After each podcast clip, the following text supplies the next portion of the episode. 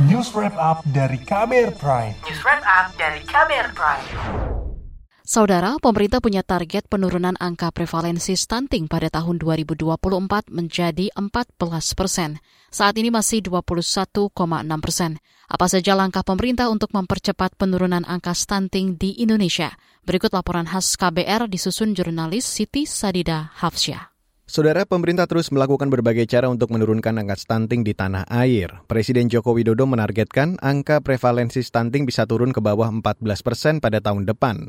Angka prevalensi di stunting di Indonesia turun dari 24,4 persen di tahun 2021 menjadi 21,6 persen di 2022.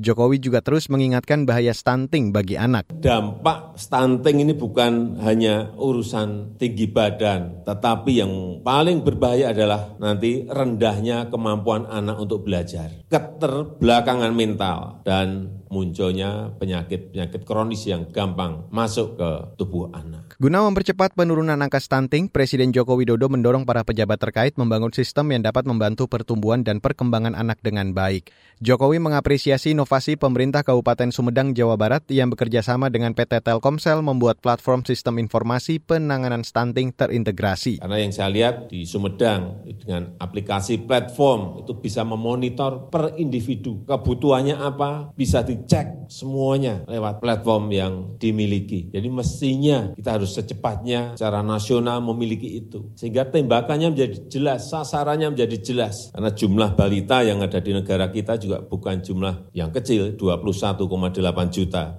Inovasi di Kabupaten Sumedang itu berhasil menurunkan angka stunting cukup signifikan. Bupati Sumedang Doni Ahmad Munir awal bulan ini mengatakan, dengan pemanfaatan sistem pemerintah berbasis elektronik tersebut, daerahnya dapat menurunkan angka stunting sekitar 32 persen pada tahun 2018 menjadi sekitar 8 persen di tahun 2022. Topom ini ada spasial, data spasial kewilayahan, mana camatan desa titik stunting. Yang kedua adalah statistik, ada by name by address-nya, siapa yang stunting, kemudian ada dana analitiknya. Bagaimana tiap desa itu stuntingnya karena apa? Di tiap desa ada kendala permasalahan stunting yang berbeda-beda. Kemudian melalui artificial intelligence kita kasih rekomendasinya. Jadi penanganan stunting di intervensi tiap desa berbeda.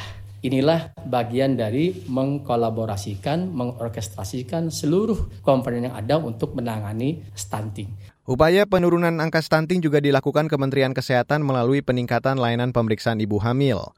Menteri Kesehatan Budi Gunadi Sadikin mengatakan, upaya itu misalnya dengan melengkapi puskesmas seluruh Indonesia dengan peralatan pemeriksaan USG. Kita sekarang melengkapi 10.000 puskesmas dengan USG. Mudah-mudahan targetnya tadi 2024 selesai. Tadi Bapak Presiden bilang bisa dipercepat nggak ya kita usahakan Pak. Supaya 2023 selesai. Sudah 5.000 puskesmas. Saya masuk sekitar 1.800 puskesmas punya USG. Jadi saya juga garuk-garuk kepala. Saya baru tahu dari 4,8 juta kelahiran yang di USG itu sedikit sekali. Saya tadi mikirnya semua semua ibu kalau lahir udah di USG. Ternyata tidak.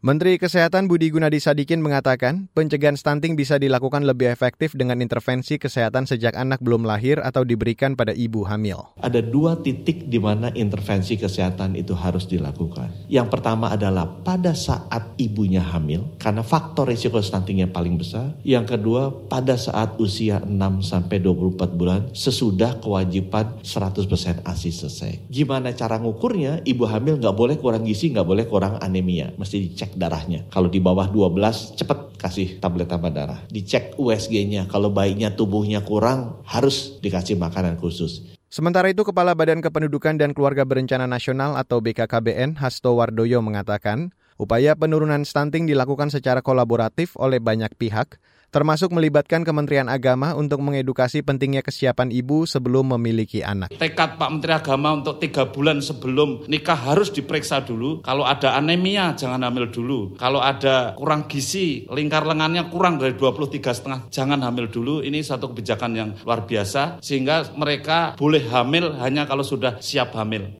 Tapi tanggung jawab tak hanya di pundak pemerintah. Duta Gizi Indonesia, Risa Brotwasmoro menyebut, Upaya pencegahan stunting juga menjadi tanggung jawab orang tua, khususnya ibu, dalam pemenuhan asupan gizi pada anak. Pemeriksaan kehamilan harus rutin dilakukan sampai nanti pada saat kehamilan sampai si anaknya ini sudah lahir pun harus diperhatikan gizinya dengan baik, termasuk dengan menyusui, ya kan? Ibunya menyusui itu harus terpenuhi dengan baik semua gizinya supaya anaknya juga nggak kekurangan gizi. Jadi faktor stunting kayaknya kompleks sekali ya, panjang gitu. Tapi ya paling penting adalah memperhatikan seribu hari pertama kehidupan seorang anak itu sejak dari masa kandungan si ibu. Laporan ini disusun Siti Sadida, saya Reski Mesanto. Kamu baru saja mendengarkan news wrap up dari KBR Prime. Dengarkan terus kbrprime.id, podcast for curious minds.